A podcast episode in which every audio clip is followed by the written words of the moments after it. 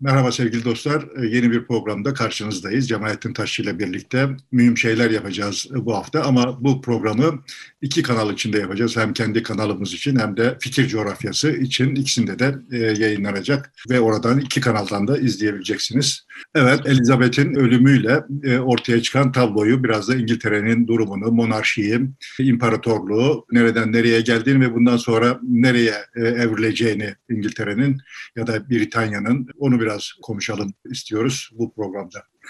Evet, hiç ölmeyecek gibiydi 2. Elizabeth ama öldü 70 yıldan fazla uzun bir dönem kraliçe olarak iktidarda kaldı.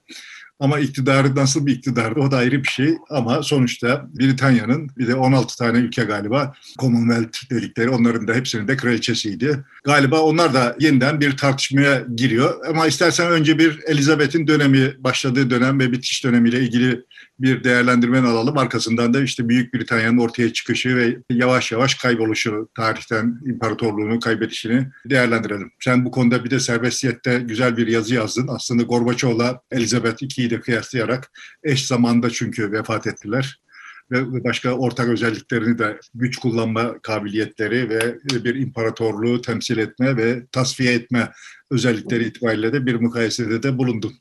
Aslında şimdi Elizabeth sonuçta kraliçe dendiğinde akla gelen kadındı ve anlaşılan o ki bundan sonra artık o kratta herhangi bir kraliçesi olmayacak dünyanın. Hani nostalji yapmak isteyenler varsa bunun üzerinden vah tüh tüh son kraliçemizi de kaybettik artık kraliçelik kurumu tarihe karıştı filan diye de ağlaşabilir. Her şey, her sebeple ağlaşabilenler oldu. Bunun için de ağlaşabilirler. Yani The kraliçeydi, The Queen. Sonuçta dünyada hala birçok kraliçe var ama Elizabeth'le mukayese edilebilir bir durumları yoktu. Kraliçe dendiğinde akla Elizabeth geliyordu. Ve bu çok tuhaf bir durum yani. Çok postmodern, çok böyle hani zen işi, sufi işi gibi bir şey yani. Ortada kraliçelik yok ama bir kraliçe var. Hani bizim anladığımız anlamda bir kraliçelik yok. Herhangi bir taşı yeniden oynatma kabiliyeti yok.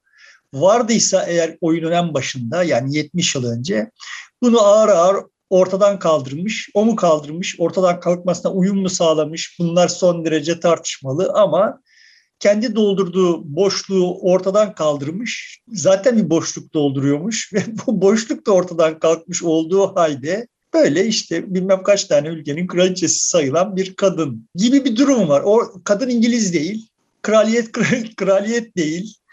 Ama yani işte kraliçe deyince de akla o geliyor filan gibi bir durum var ve evet şimdi ölümüyle de bir kere daha hepimizi offside'da bırakmış oldu. Yani. Şimdi şöyle hafızamı yokladığımda mesela dünyada olup biten bunca olay karşısında Kraliçe 2. Elizabeth'in ne söylediğine dair düşündüğümde aklıma hiçbir şey gelmiyor siyasi olaylarla ilgili. Mesela işte Sovyetlerin dağılışında hadi en yakın tarih olarak bakalım. Ne söyledi hafızamızda yok. Benim hafızamda yok en azından. Muhakkak bir şey söylemiştir belki ya da bir söylemedi bilmiyoruz. Yok. İşte Avrupa'nın dağılmasında en son gene ne söyledi ya da en azından Brexit olarak İngiltere'nin çıkışında ne söylediği yok. Çok fazla bilmiyoruz gibi bir sürü şeyler var. Ama ailesiyle ilgili pek çok e, kriz anını hatırlıyoruz. Onları hatırlıyoruz. Yani işte gelini, onun ölümü, öldürülüşü ya da işte çocuk çocukları, onunla olan ilişkileri, kardeşinin pek çok şeysi, kamuoyuna yansıyan e, halleri. E, bunları daha iyi hatırlıyoruz mesela. Ama siyasete dair, egemenliğine dair, hayatta olup bitenlere dair bir tavrını, duruşunu çok fazla hatırlamıyoruz. Yani ailesinde gerçekten çok ciddi skandal mertebesine ve hep, hepimizin hatırladığı şeyler olduğu zaman da o konuda da ne dediğini ve ne tutum aldığını bilmiyoruz.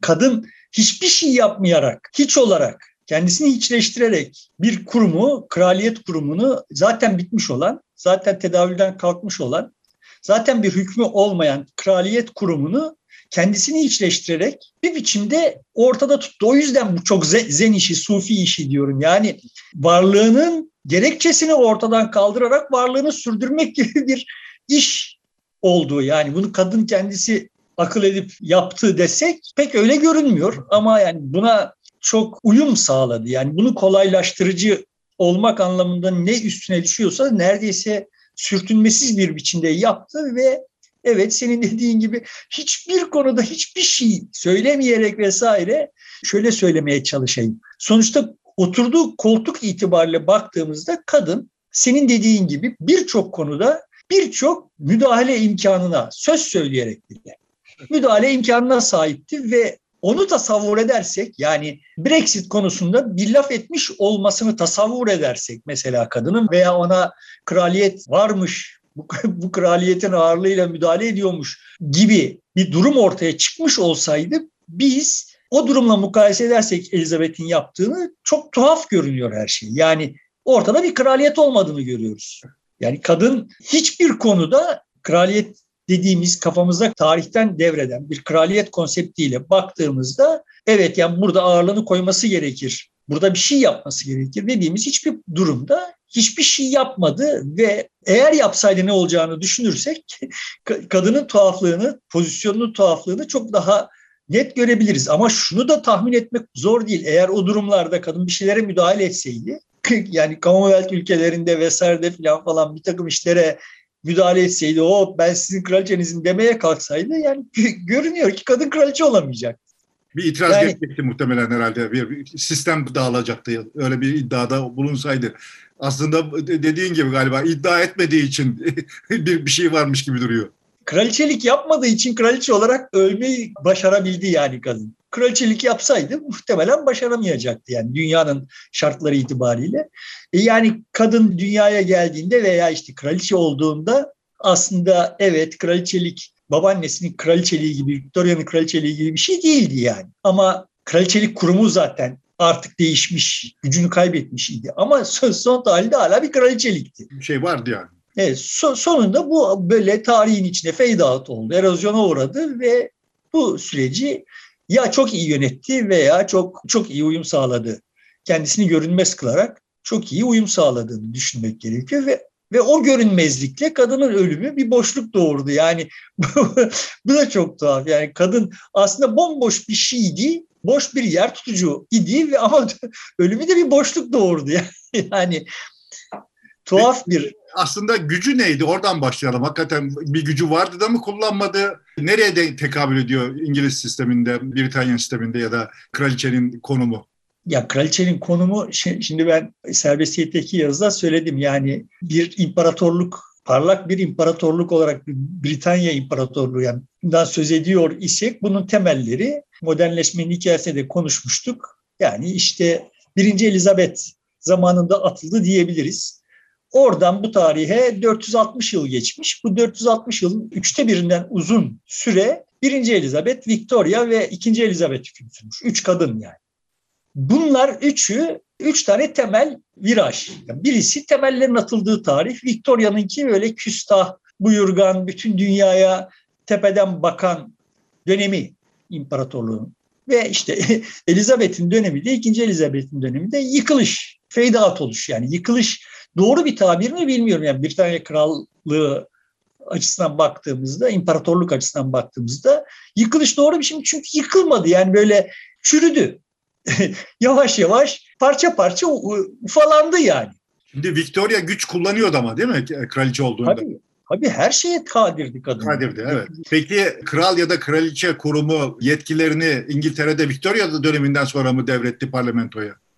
Yok, Victoria döneminde de bir parlamento vardı ve güçlüydü ama sonuçta hali, her halükarda yine de hem varlığı yani maddi varlığı itibariyle hem dünyanın halleri itibariyle bakıldığında yani o, o dünya şimdi böyle hani kardeşim bu dönem ne biçim bir dönem nasıl bir döneme geldik biz filan falan diye ağlaşılıyor sızlaşılıyor ama Victoria'nın dönemi dünyanın dünyada yaşayan insanların yüzde 95'inin yüzde bire birim malı olduğu bir dünya idi. Yani dünyanın genel tasavvuru bu idi. Yani parlamento dediğimiz şey de şimdiki parlamento gibi bir parlamento değildi. Yani orada aristokratların kendi aralarında kurduğu bir parlamentoydu. Böyle hani ailecek aile gidip oy verip de seçtiğimiz insanlardan oluşan bir şey değil. Dolayısıyla zamanın ruhu itibariyle Victoria zaten parlamentonun üzerinde de manevi otoritesi çok yüksek olan zaten kilisenin de tahtta oturan İngiltere ben bu İngilizlerin sistemini çok da iyi anlamış değilim.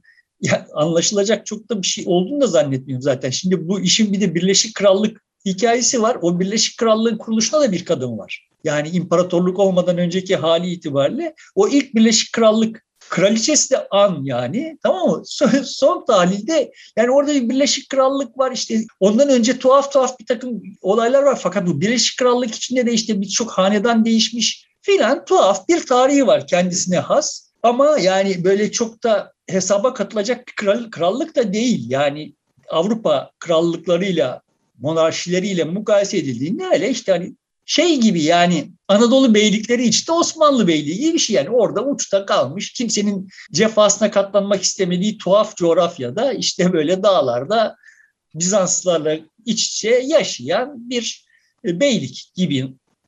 Yani Karaman Beyliği efendime söyleyeyim işte Aydın Beyliği vesaireyle karşılaştırdığında yani kimsenin hesaba katmadığı bir şey gibi o Birleşik Krallık. Sonra işte bu uzun uzun konuşmuştuk. Palazlanıyor. Eğrisi doğrusuna denk geliyor. Merkezi otoritenin zaafı kendi açısından bakıldığında zaafı itibariyle tarihsel bir çatlak ortaya çıkıyor. O çatlaktan bir şey çıkıyor ve kendilerinin de çok hazırlıklı olmadığı bir biçimde kendilerinin de çok hazırlıklı olmadığını neye yaslanarak söylüyorum? Yani mesela bütün bizim bugün vay ne kadar sağlam gelenekleri var falan dediğimiz şeyleri ta işte 19. yüzyılda icat ediyorlar. Yani zirve yaptıkları dönemde. Bunu da ben söylemeyeyim. Bir İngiliz tarihçi söylüyor. Yani İngiliz tarihçiler söylüyor. İşte Hobsbawm ve işte geleneğin icadını yazdıklarında yani sonuçta böyle hani durmuş oturmuş kendisine büyük bir gelecek kurmuş filan bir şey değil yani. Aa biz ne oldu?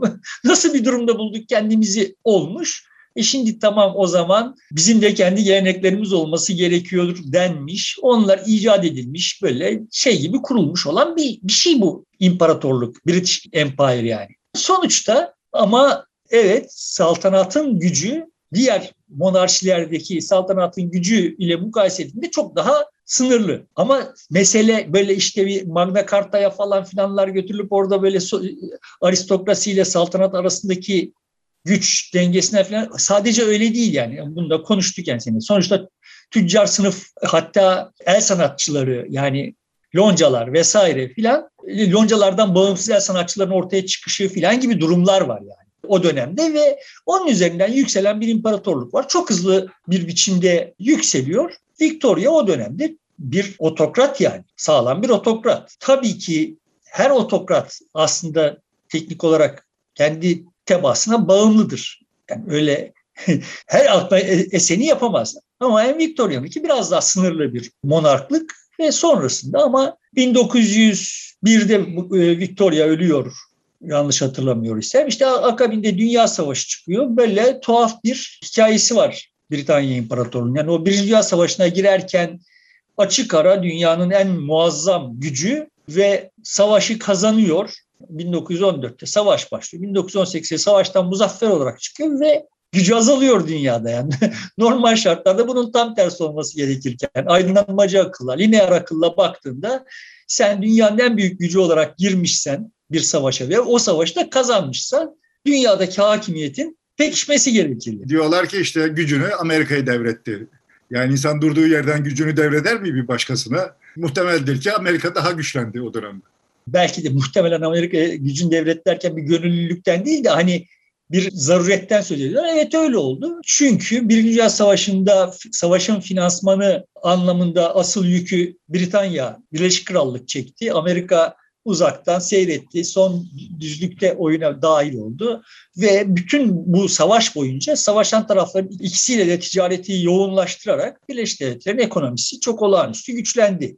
Altın stoku yani ekonomi dediğimiz altın stoku yani. Yoksa hani Birleşik Devletler'in ekonomisinde 1918'e gelindiğinde hala yaratıcılık eksikliğinden vesaireden söz edebiliriz. Ama muazzam geniş topraklarda muazzam bir tarım üretimi yapma kabiliyetine sahip. Bunun Avrupa'da tarım savaş nedeniyle durunca ve oraya ciddi tarım ürünü, silah satma e, imkanı yani sınırsız neredeyse bir pazar ortaya çıkınca terazinin dengeleri Birleşik Devletler'in lehine bozuldu. Şimdi buradan hani işaret etmiş olayım. Böyle çok düz akıl tamam bak işte filanca çok güçlü falanca ile karşı karşıya geldi. Onu dövdüğüne göre daha da güçlenmiştir falan gibi şeyler olmuyor yani. Şimdi Ukrayna'da oynanıyor olan oyunu işte kim kazanacak diye bakıyor olanları hatırlatmış olayım. Yani olay öyle olmuyor yani. Savaşanların ikisi de kaybediyor. Böyle çok savaş heveskarı olmak, kazanacağım ve payımı yükselteceğim diye heveskarlık yapmak manasız bir şey. Birleşik Krallık bir imparatorluğa öyle büyük savaşlar kazanarak falan filan ulaşmadı. Mesela bizim yakın tarihimizde İran'la Irak arasında savaş başladığında Özal döneminde her iki tarafa da satış yaparak, ticaret yaparak, onların ihtiyaçlarını karşılayarak ekonomiyi büyük oranda rahatlattığı söyleniyor idi. Evet yani sonuçta şimdi hikayenin mesela Osmanlı'ya götürecek olursak Osmanlı'nın yükselişinde de aslında öyle muazzam ölçekli Osmanlı'nın kazandığı savaşlar filan falan sayesinde yükselmiş değil yani. Yani o böyle hani tarih kitaplarında okutulan muhaçlar şunlar bunlar son derece küçük ölçekli dandik savaşlar. Hem çok kısa süreli hem çok zayıf rakiplerle yapılmış olan savaşlar. Osmanlı'nın yükselmesini sağlayan dinamikler başka. Bunu zaten şundan da biliyoruz. Sonra 300 sene savaş kaybetti halde de yıkılmıyor. Yani bu böyle savaşacağız, zayıf olanı yeneceğiz ve işte daha da aramızdaki fark büyüyecek diye olmuyor. Yani bu savaşlarla olmuyor yani iş. Burada şimdi Birleşik Krallığa dönecek olursak şimdi bu kadıncağızın tahta çıkacağı zamandan önce işte savaş bitmiş, Birleşik Krallık muzaffer savaştan önce rakipsiz dünya gücüyken şimdi öyle olmadığı ortaya çıkıyor. Savaşın çok net sonuçlarından bir tanesi bütün dünyada bağımsızlık ve işte kendi kaderini tayin hakkı vesaire gibi kavramlar ortaya çıkmış. Yani imparatorlukların dağılmasına yol açan bir savaş bu savaş. Evet savaşın en belirgin kurbanları Osmanlı ve Avusturya Macaristan imparatorlukları. Rus İmparatorluğu ile Britanya İmparatorluğu buradan iki farklı stratejiyle hayatta çıkmış gibi görünüyorlar. Yani bir tanesi ideolojik bir kılıf giyip de bununla yani dünya sosyalizminin ana yurdu haline gelip kendi imparatorluk biçimini diyelim formunu maskeliyor. Ötekisi de yok olduğunu gizleyerek yani yani yok oluyor ama karton olarak şey de var yani hala. Aura olarak var yani. Yoksa ama işte Hindistan'ı kaybediyor vesaire filan. Burada sonra ikinci savaş çıkıyor. Bu hanımefendi Birinci Dünya Savaşı'ndan sonra doğuyor. İkinci Dünya Savaşı sırasında genç bir kız olarak işte orduda görev yapıyor vesaire. Ve o sırada da bir gün tahta çıkma ihtimali açısından son derece imkansız bir durum var. Yani işte sıradan bir prenses işte kraliyet ailesine mensup herhangi birisi olarak hayatını işte birisiyle bir izdivaç yapacak ve sonra da unutup gideceğiz. Diğer birçokları gibi. Tablo öyle bir tablo. Kendisi en azından tabloyu böyle görüyor. Ve o savaşı da kazanıyor şey. Kazanan tarafta yani. Evet, Dünyanın en büyük, en büyük kıyımı, en büyük savaşı gelmiş geçmiş ve bu savaşı da kazanan tarafta e, Britanya. Ama savaştan sonra daha da Amerika karşısında daha da geriye düşmüş oluyor. Çünkü yine evet Amerikalılar öyle savaşı kendi topraklarından uzakta yaşamışlar. Uzun süre savaşa girmemişler. Girsek ne tarafta girsek acaba diye böyle kendilerince fanteziler yapmışlar. İşte filan böyle öyle ve durmadan yine ticaret yapmışlar. Sonra savaştan sonra Birleşik Krallık diye bir şey adı varsa da işte artık hala bir empire olarak adlandırılıyor ise de onun öyle bir şey olmadığını herkes biliyor. Tam da bu noktada işte Elizabeth kraliçe oluyor. Yani. Artık dünyanın halleri değişmiş. Kraliyetler peş peşe çökmüşler. Yani Birinci Dünya Savaşı'ndan kurtulmuş, hayatta çıkmış olan bir takım kraliyetler varsa da onlar da arka arkaya tasfiye oluyorlar. Orada işte evet yani bu da tasfiye olacak galiba diye düşünebileceğimiz bir şey ama işte şekil olarak hayatta kalmayı başarabiliyor ve bunu doğrudan doğruya Elizabeth'in kendi kişiliği ve yapıp ettikleriyle ilişkilendirebiliriz gibi görünüyor. Yani evet sonuçta İngilizlerin icat ettikleri geleneklerin İngiltere toplumundaki yaygınlığı, baskınlığı gibi faktörler de burada önemlidir.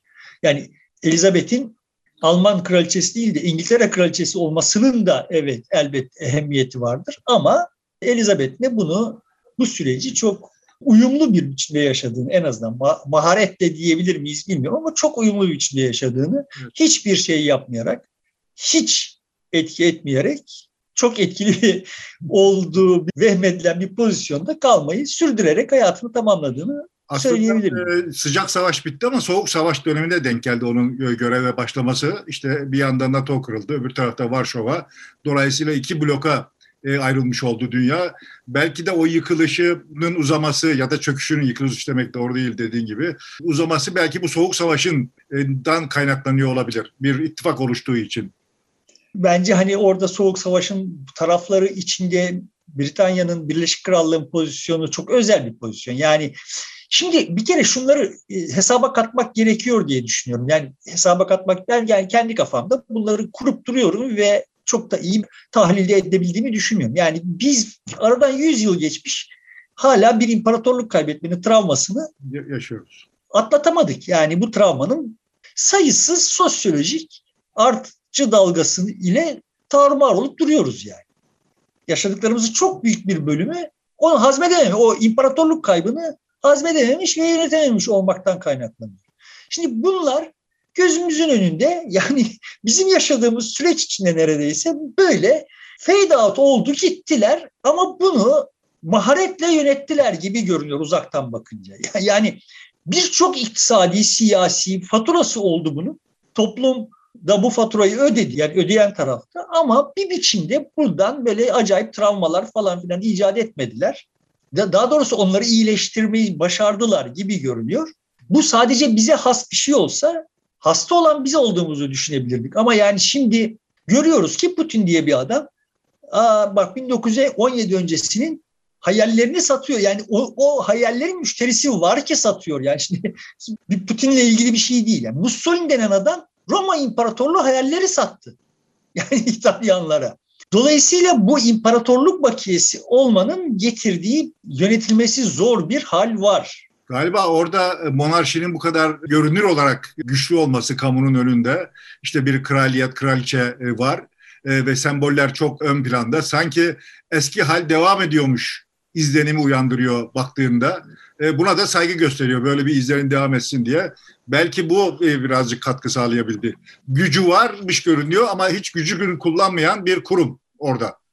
Tamam ama en sonuçta sen imparatorluğu kaybetmişsin ve kaybettiğin şimdi toplum açısından baktığımızda ve işte aydınları açısından baktığımızda yani İngiliz tarzının İngiliz tarzı aydınlanmanın kıta Avrupası tarzı aydınlanmayla arasındaki en temel farklardan bir tanesi yani İngilizlerin daha gerçekçi olduğu, gerçeklikle ilişkilerin hiç kopmaması yani.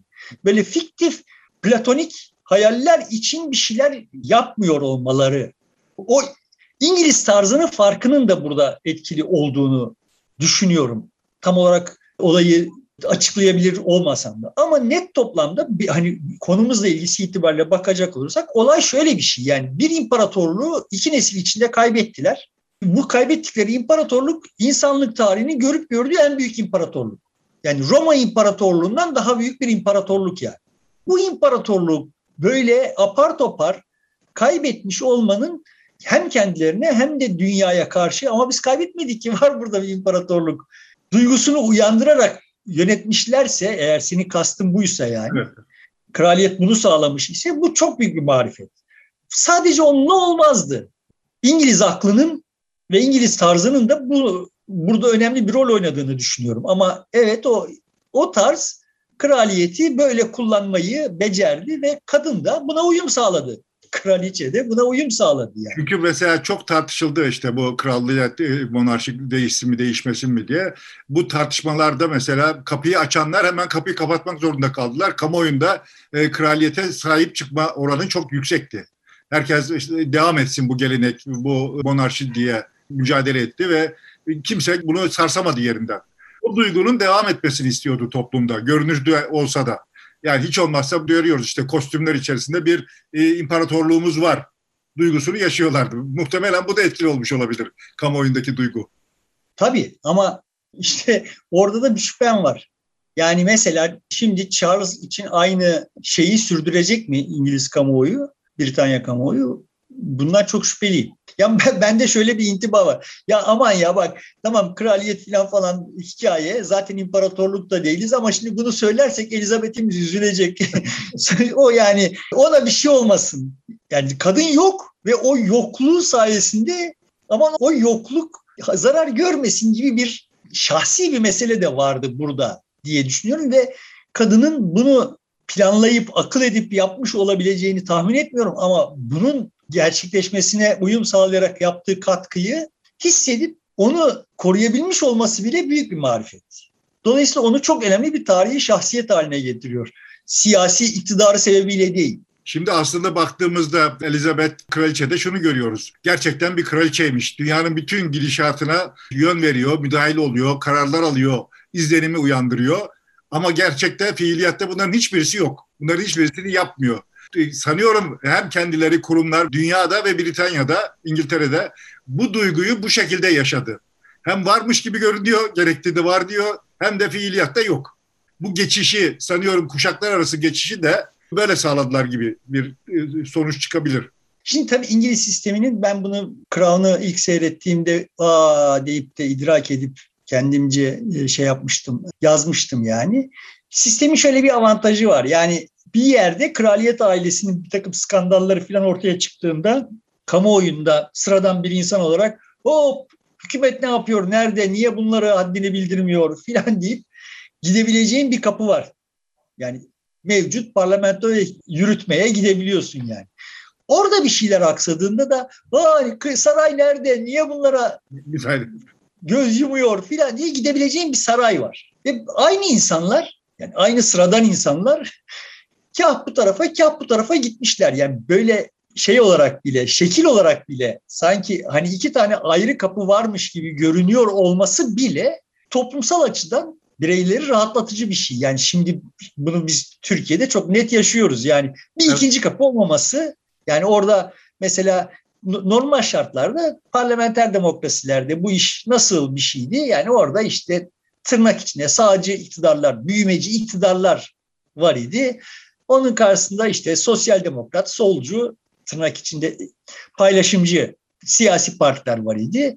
Ya işte ya kardeşim niye bu işler böyle biz aç kaldık işte çocuklarımız iş bulamıyor filan deyip sağcıların peşinden gidiyor idi kitleler. Sonra büyüme gerçekleşiyordu. Burada bir eşitsizlik büyüyordu filan. O bu nasıl oluyor? Biz işte yeterince pay alamıyoruz deyip solculara gidiliyordu. Böyle iç kapı olması sonuçta bu, iş, bu işleri yapanlar aynı insanlardı yani. Evet. Aynı sıradan insanlar kah buraya kah buraya gidebiliyor idiler. Ve bu parlamenter demokrasiyi çalıştırıyordu. Şimdi Türkiye'de biz... Mesela Türkiye'de o bile şu bile Cumhurbaşkanı'nın varlığı bile eskiden şeydi işte yani işte bir kriz çıktığında partileri çağırıyor yemek yiyorlar konuşuyorlar işte bir çözüm o çıkıyor. inancı vardı toplumda. Şimdi o da yok. Evet bu da aşık oturdu evet. Sonuçta böyle alternatiflerin olması toplumlar için çok rahatlatıcı. İngiltere'de de bu iş tam böyle hani kraliyetin hiçbir hükmünün kalmadığı dönemde böyle çalışmış görünüyor. Yani burada hikayenin e, bu şekilde seyretmiş olmasında hem İngiliz tarzının yani İngiliz tarzı derken tekrarlayayım. Böyle muhayyel kazanımlar için gerçekliğin kurban edilmemesi, muhayyel tasavvurlar için gerçekliğin kurban edilmemesinin neredeyse bütün aydın kesimde kökleşmiş olması artı her şeyin belli bir katlanılabilir bir hızla sindirle sindirle gerçekleşmiş olması artı çok bariz görünüyor ki Elizabeth'in kişiliği. Yani bugün kadının defosu olarak bir kraliyet kurumunun başında 70 yıl bulunmuş, 70 yıl hükümranlık yapmış ve 70 yıl boyunca hiç kimse neredeyse hiçbir emir vermemiş olarak bir 70 yıl geçirmiş olması bir zaaf olarak görülebilir. Normal bir aydınlanmacı aklıyla. Ama kadın bu sayede işte hem kraliyet kurumunun etkinliğini zaten düşmüş olan etkinliğini iyice sıfırlamış ama aynı zamanda da kabuk olarak da değerini korumuş oldu ve tam dediğim gibi hani bir sufi hikayesi yani kadının hikayesi kendisini yok ederek bir şeyi korudu. Bu birçok faktörün bir arada bir araya gelmesiyle ancak mümkün olabilecek bir şey ve birçok faktör bir araya gelmiş gibi görünüyor. Buradan sonra yani kraliçenin kendisinin kişiliğinin olmadığı bir durumda başka birisinin hele bu Charles'ın bu işi başarabilir olduğunu zannetmiyorum yani. Evet, Gorbaçov'la kıyaslamıştın. Yani daha doğrusu Sovyetler Birliği Gorbaçov'la birlikte sonlandı. Bir imparatorluk bitti. E, gerçi Putin şimdi e, imparatorluğu kuracağız diye ortalıklarda caka satıyor falan ama herhalde o da mümkün değil. Benzer bir şey kraliçenin ölümünden sonra İngiltere'de ile de yaşanır mı? Orada da mesela bu Commonwealth büyük oranda biter ya da İskoçya, İrlanda gibi yerler bağımsızlığını ilan ederler mi? Ya ben şimdi kuvvetle muhtemel görüyorum bunları. Yani önümüzdeki ay olacak falan gibi bir şeyim yok da ama Charles'ın yapacağı ilk gafta vesairede filan birileri hop ne oluyoruz? Biz orada kimse yok olduğu için oraya katlanıyor idik demeye başlayacaklardır. Charles annesinin yaptığını yapmak istese bile yapabilecek yani çünkü o bir sahiden de bir kabiliyet gerektiriyor yani bir meleke gerektiriyor. Kadın bunu kademe kademe edindi. Yani tahta geçten itibaren kademe kademe. Ha şimdi burada hiçbir şey yapmamanın yolu nedir? Öğrendi yani. Şimdi Charles'ın öyle bir idmanı yok. Annesinin yanında yaşamış olmaktan kaynaklanan bir öğrenme var mıdır bilmiyorum ama yani hayatına baktığımız zaman Charles'ın o kadar böyle tamam beni yönetin diyebilecek bir adammış gibi de görünmüyor. Artık çok yaşlı olmasına kaynaklı olarak belki razı gelebilir ama eş seçiminden işte eşiyle evliyken başkasıyla yaşamasından işte Galler Prensi olduğunda Galce öğrenmeye kalkmasından vesaire böyle bir şeyleri bir şeylere müdahale etme fırsatı doğduğunda aa bak ben buradayım ha tarihe de ben damga vuruyorum ha filan demeye meyyelmiş. Bir de toplumun gözüyle baktığımızda muhtemelen çok yaralı. Toplumun önemli bir kesimi de onu suçlu görüyor ölen eşinden dolayı. Dolayısıyla benimsemesi, kabul etmesi de zor. Muhtemelen çok uzun görevde yapmayabilir, oğluna bırakabilir orayı da. Yani işte öyle bir şey olursa zaten bu kraliyette yeni bir şey sayılmasa da işte beklenmedik bir şey olacak ve işte orada da bilmiyorum yani bana sürdürülmesi zaten çok olağan dışı şartlarla ancak çok olağan dışı becerilerle ancak sürdürülebiliyormuş gibi görünüyordu mevcut hal. O olağan dışı beceriler ortadan kalktığı anda ilk gafla birlikte bir yerlerde bir şeyler çatlayacak diye düşünüyorum. Peki bir, dünyanın yeni hali, gidişatı bu teknolojinin gelişmesiyle baktığımızda işte kapitalizm bitti, işte yeni bir sürece geçiliyor denildiği bir ortamda böyle bir örgütlenme, monarşinin olabileceği bir örgütlenme hala hayatiyet kazanır mı? Hayır zaten monarşinin başından beri söylemeye çalıştığım şey ortada adı, adı olarak bir monarşi var da fiiliyatta bir monarşi yok yani. Ama her halükarda sonuçta işte orada bir Birleşik Krallık var ve işte İskoçya referandum yaptığı zaman ayrılıkçılar az farklı da olsa kaybediyorlar. Şimdi İskoçya ayrıldığı zaman Birleşik Krallık'tan ayrılmış olsaydı orada referandum olsa. Elizabeth'in kraliçeliğine son verecek miydik bilmiyorum yani onun teferruatını bilmiyorum ama dünyanın bilmem ta neresindeki ülkeler bile ayrı bağımsız ülkeler oldu. Kanada'sından işte Avustralya'sına kadar bağımsız ülkeler oldukları halde Elizabeth'i kraliçe olarak tanımlıyor, tanıyorlardı. Rivayet olunur ki bir kim olduğu da belli değil ama işte hangisi olduğu da belli değil ama bir Karayip Adaları ülkesi şeyden Commonwealth'ten ayrılmaya kalktığında yani komünist Castro akıl veriyor. Diyor ki ya siz kraliçeyi kraliçe olarak kabul etmeyi sürdürün. Yani bu size turizm ülkesi olmaya çalışıyorsunuz. Bu size hem istikrar duygusu hem de bir egzotizm katar yani. sonuçta Elizabeth yani kraliyet öyle bir şeydi. Öyle bir fonksiyon üstlenirdi ve ben iddia ediyorum ki bende kalan intiba o ki buna o sıkıcı kadın o büyüyü katıyordu. Sıkıcılığıyla yani büyüden en uzaklığıyla o büyüyü katıyordu. Kadının her şey paradoksal yani. Bunu, buna işaret etmeye çalışıyorum baştan. O yüzden hani böyle sufi, zen vesaire filan şeylerden söz ediyorum. Yani çünkü bizim bildiğimiz akılla ya bütün bunların olmaması gerekiyor. Bu kadar sıkıcı bir kadının bu kadar sosyal, toplumsal yani içinde yaşadığımız dönem tam da böyle hani pırıltılı vesaire bir şeyler değil mi yani? Ama kadın tam da burada buna en uzak olduğu için o pozisyonun hayatiyetini sürdürdü gibi yani. Şimdi böyle her şey paradoksal. Dolayısıyla şimdi İskoçya'da yeniden bir ayrılıkçı hareket başlarsa büyük ihtimalle işte kraliyeti, kraliyeti tanımaktan tahtı tanımaktan da vazgeçilecek. Bir tanesi bunların olduğu zaman hepsini tetikleyecektir gibi geliyor bana. Yani kadın ama, özelliği bu bizim günümüzde yaşıyordu ama sanki tarih öncesi bir ikonik figürmüş gibi e, durması galiba biraz daha çekiciydi. Günlük hayatta hiç ilgisi yok yani. evet o da var. Ama sanki e, işte albümde kalmış fotoğraflar gibi lazım geldikçe bakıyoruz anılarımızı hatırlayalım diye. Öyle bir görüntü çiziyor idi. Evet yani bir anlamda öyle. Bir, bir anlamda yani işte çağlar ötesinde sanki kadın öyle de yani çok ileride bizim bizim de zamanımıza ait değil. Ama yani sonuçta bizim zamanımızda taşları bir arada tuttu. Böyle bir tuhaf bir şey vardı kadının. Bu İngilizlerin son tuhaflığı değil yani. Bundan sonra da yine yeni tuhaflıklar icat edebilirler. Charles'a da bizim hiç beklemediğimiz bir şekilde hiç anlamadı, anlam veremeyeceğimiz bir sebeple böyle çok destek verebilirler. Bu Anglo-Saksonların böyle tuhaf halleri var yani. Çok tuhaf bir mizah anlayışları var son, son tahlilde. Yani olabilir bir şeyler ama bende kalan dünyanın mevcut zamanın ruhu artı işte Britanya'nın gelmiş olduğu hal artı işte diğer faktörler artı kişisel faktörler bir araya topladığımda sanki Charles ölmeden bu hikaye sona erecekmiş gibi bir duyguya sahibim yani. Ya da başka bir şeye dönüşebilir de yani becerebilirlerse yeni bir örgütlenme modeli, yeni bir anlayış, yeni şekle uygun bir model çıkartabilirler de o da farklılık oluşur. Muhtemelen onu da deneyeceklerdir. Ne Çünkü gibi? Yerine, yerine bir şey koyması gerekiyor bunun. Tümüyle vazgeçtiğinde dağılıp gidecek bir şey ortaya kalıyor sonucu olarak. Bu işler akılla e, olmaz yani. Sonuçta sen o boşluğu doldurmak için bir şeyler akıl etmeye çalışırsın. Çok daha iyi reklamcıları vesaire de getirirsin de olmaz. Yani bu ölçekte bir şeyi ikame edemezsin. Bunlar yıkılır giderler. Faturasını gelecek nesiller öder. Ama Britanya'da bu fatura o kadar düşündüğü, düşünüldüğü kadar da çok büyük olmayabilir. Çünkü e, yani kadın evet sıfırladı orayı yani. Yani daha doğrusu sıfırlanmasını kolaylaştırdı diyelim.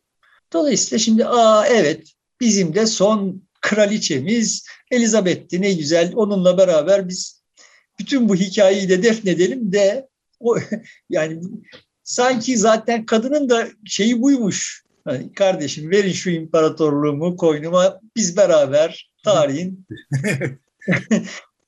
Ama sonunda yerinde gücü dolduracak olan Liz e, Truss oldu galiba. E, bir kadın gene ona devretmiş oldu. Yani başbakan ama e, sonuçta fiiliyatta gücü kullanacak olan o. Muhtemelen Charles görev başında olduğu müddetçe de e, onun üzerinde de müessir olacaktır. Yani kraliyetin e, gölgesi çok fazla parlamentoya ya da hükümete düşmez. Hükümetin etkisi orada daha galiba önde olacak. Muhtemelen oradan yeni bir şey çıkacaktır. Yani benim bildiğim kadarıyla Liz Truss gençliğinde bu kraliyetin ilave edilmesi konusunda aktivistmiş sonra fikirlerini ne ölçüde değiştirmiş ya da şimdi bu fırsattan istifade ha bak gençlik hayallerimiz deyip bunun üstüne gider mi?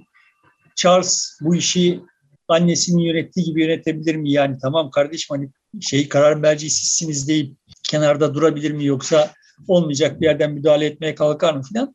Orada bir çatlak çıkarsa olay nereye evrilir? Bunları bilemeyiz. Şunu biliyoruz yani Liz Truss çok zor bir miras devraldı çok zor bir şey, dönemde iş başına geldi. Yani bundan önceki de çok zor bir dönemde Boris Johnson da çok zor bir dönemde iş başına gelmişti. Çok zor bir işi hakkını e, vererek yani bütün soytarılığına rağmen yani Ukrayna'daki Zelenski gibi yani sonuçta soytarılar mı soytarılar ama yani performans sanatçısı analizi yapar gibi bunların performanslarını analiz etmeye kalkarsak yani hakkını verdiler yani veriyorlar. Boris Johnson da hakkını vermişti ama çok kolaylıkla buna rağmen ufalanabildi, harcanabildi yani. Yani o e, Brexit'i böyle Gordion'un düğümü haline gelmiş olan Brexit'i çözdü adam ve ama ona rağmen defteri dürülebildi. Şimdi Liz Truss bu kış bütün Avrupa için çok sıkıntılı bir kış olacak iken ve iktisadi olarak da ülke sıkıntılı bir durumdayken bunun hakkından nasıl gelecek, gelebilecek mi falan bunları tabii bilmiyoruz.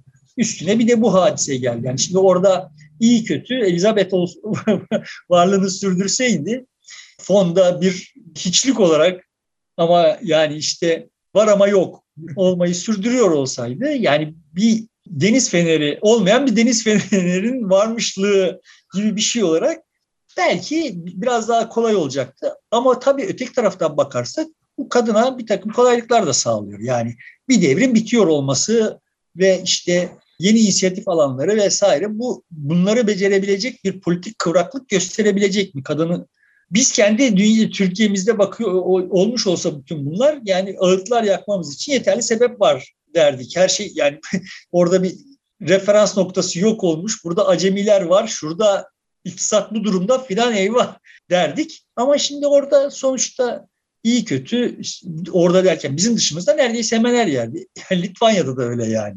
İyi kötü siyasetçi yetiştiren düzenler devam ediyor. Dolayısıyla şimdi kadın buradan bir kahraman olarak da tem temayüz edebilir. Şimdi e, Commonwealth tartışılıyor işte dağılacak mı dağılmayacak mı diye ama Liz Truss'ın mesela kabinesinde dışarıdan çok bakan var. Yani diğer ülkelerden gelen, diğer ülke asıllı işte Hindistan'da ondan sonra e, Iraklı Kürt var mesela bir tane.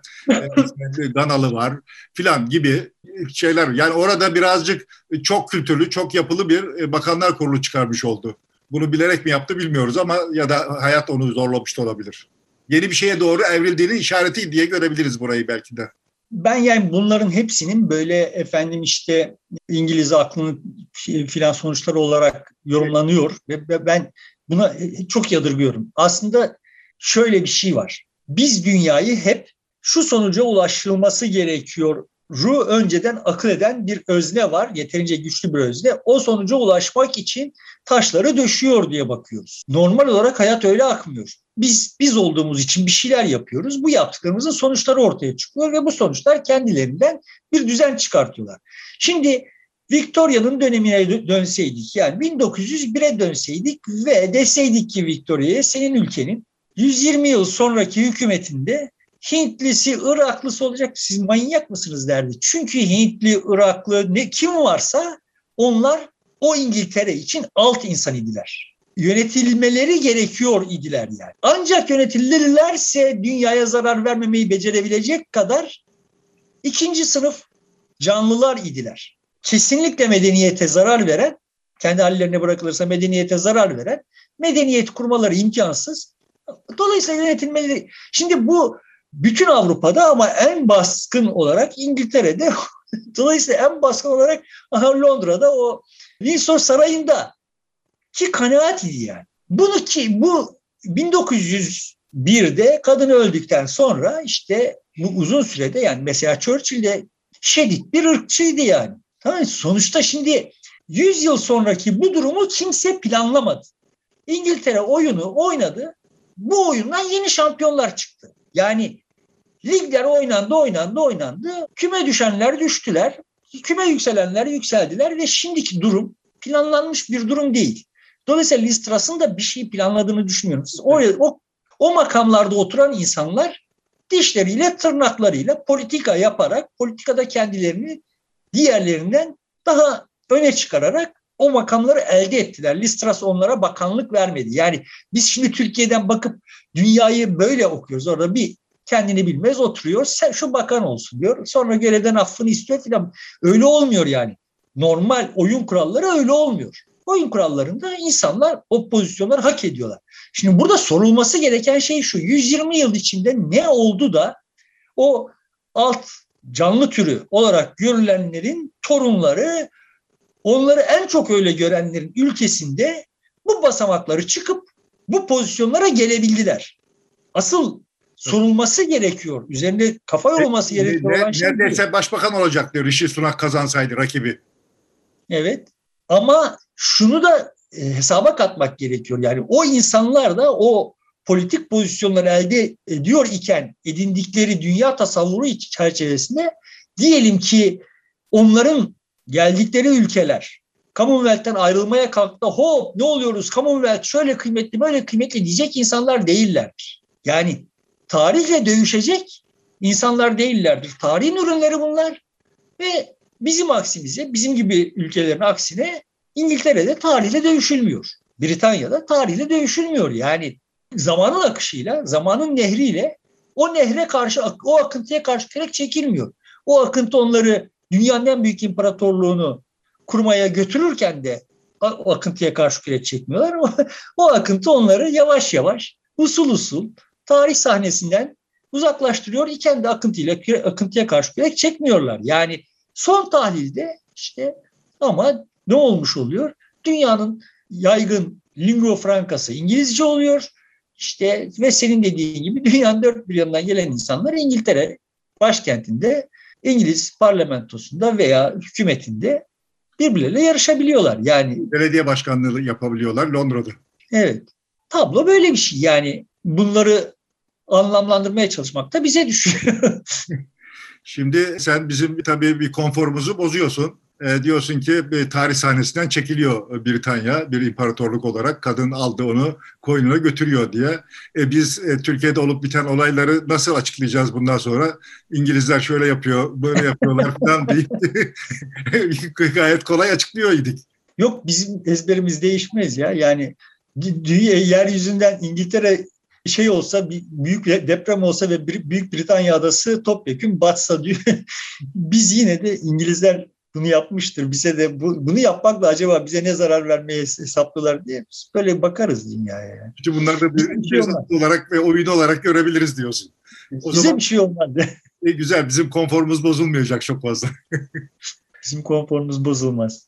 Evet, başka ekleyeceğimiz bir şey varsa onları da söyleyelim, bitirelim istersen yavaş yavaş. Yani kadın yaşarken işte bir hakkında uzun bir dizi yapılmış idi. Galiba öldükten sonra hakkında çok yazılıp çizilecek. Çünkü yokluğu varlığından daha var bir hal aldı yani. yani var, varken yok idi, yokken şimdi birdenbire var olacak gibi bir duyguya sahibim. Çok yazılıp çizilecek. Hakkında çok konuşacağız diye düşünüyorum. İnsan halleri itibariyle yani siyasi bir şey olarak değil. Ama sosyolojik dönüşümün içinde bir insan hali olarak çok dikkat çekici bir aykırılıktı. Ben kendi hesabıma özleyeceğim yani. Ben çünkü hani beni de gömecek diye kendimi kurgulamıştım. Demek ki bazen e, gücü kullanmamak da bir güç. Galiba kraliçe e, gücü kullanmayarak gücün sahibi oldu. Yani tabii asıl marifet odur zaten gücü kullanmamak. O yüzden bu sufilik falanlardan söz ediyorum. Yani şimdi hani sufiliği benim bildiğim kadarıyla sufiliği falan sana vaaz ettiği, te, telkin ettiği, tavsiye ettiği şey odur yani. Yani işte dokunmayacaksın ve işte o her şey kendi kendine akacak. Sen yok olacaksın yani. Kadın yok olmuştu. Kendisiyle beraber koskoca bir kurumu yok etmişti yani. Dediğim gibi bunu böyle söyleyince, bu fiille söyleyince, bu kiple söyleyince kadın bunu planlamış gibi bana kadının bunu be, kimsenin sadece onun değil. Kimsenin bunu idrak edip planlayacak kadar bilge vesaire falan olma ihtimalini mümkün görmüyorum.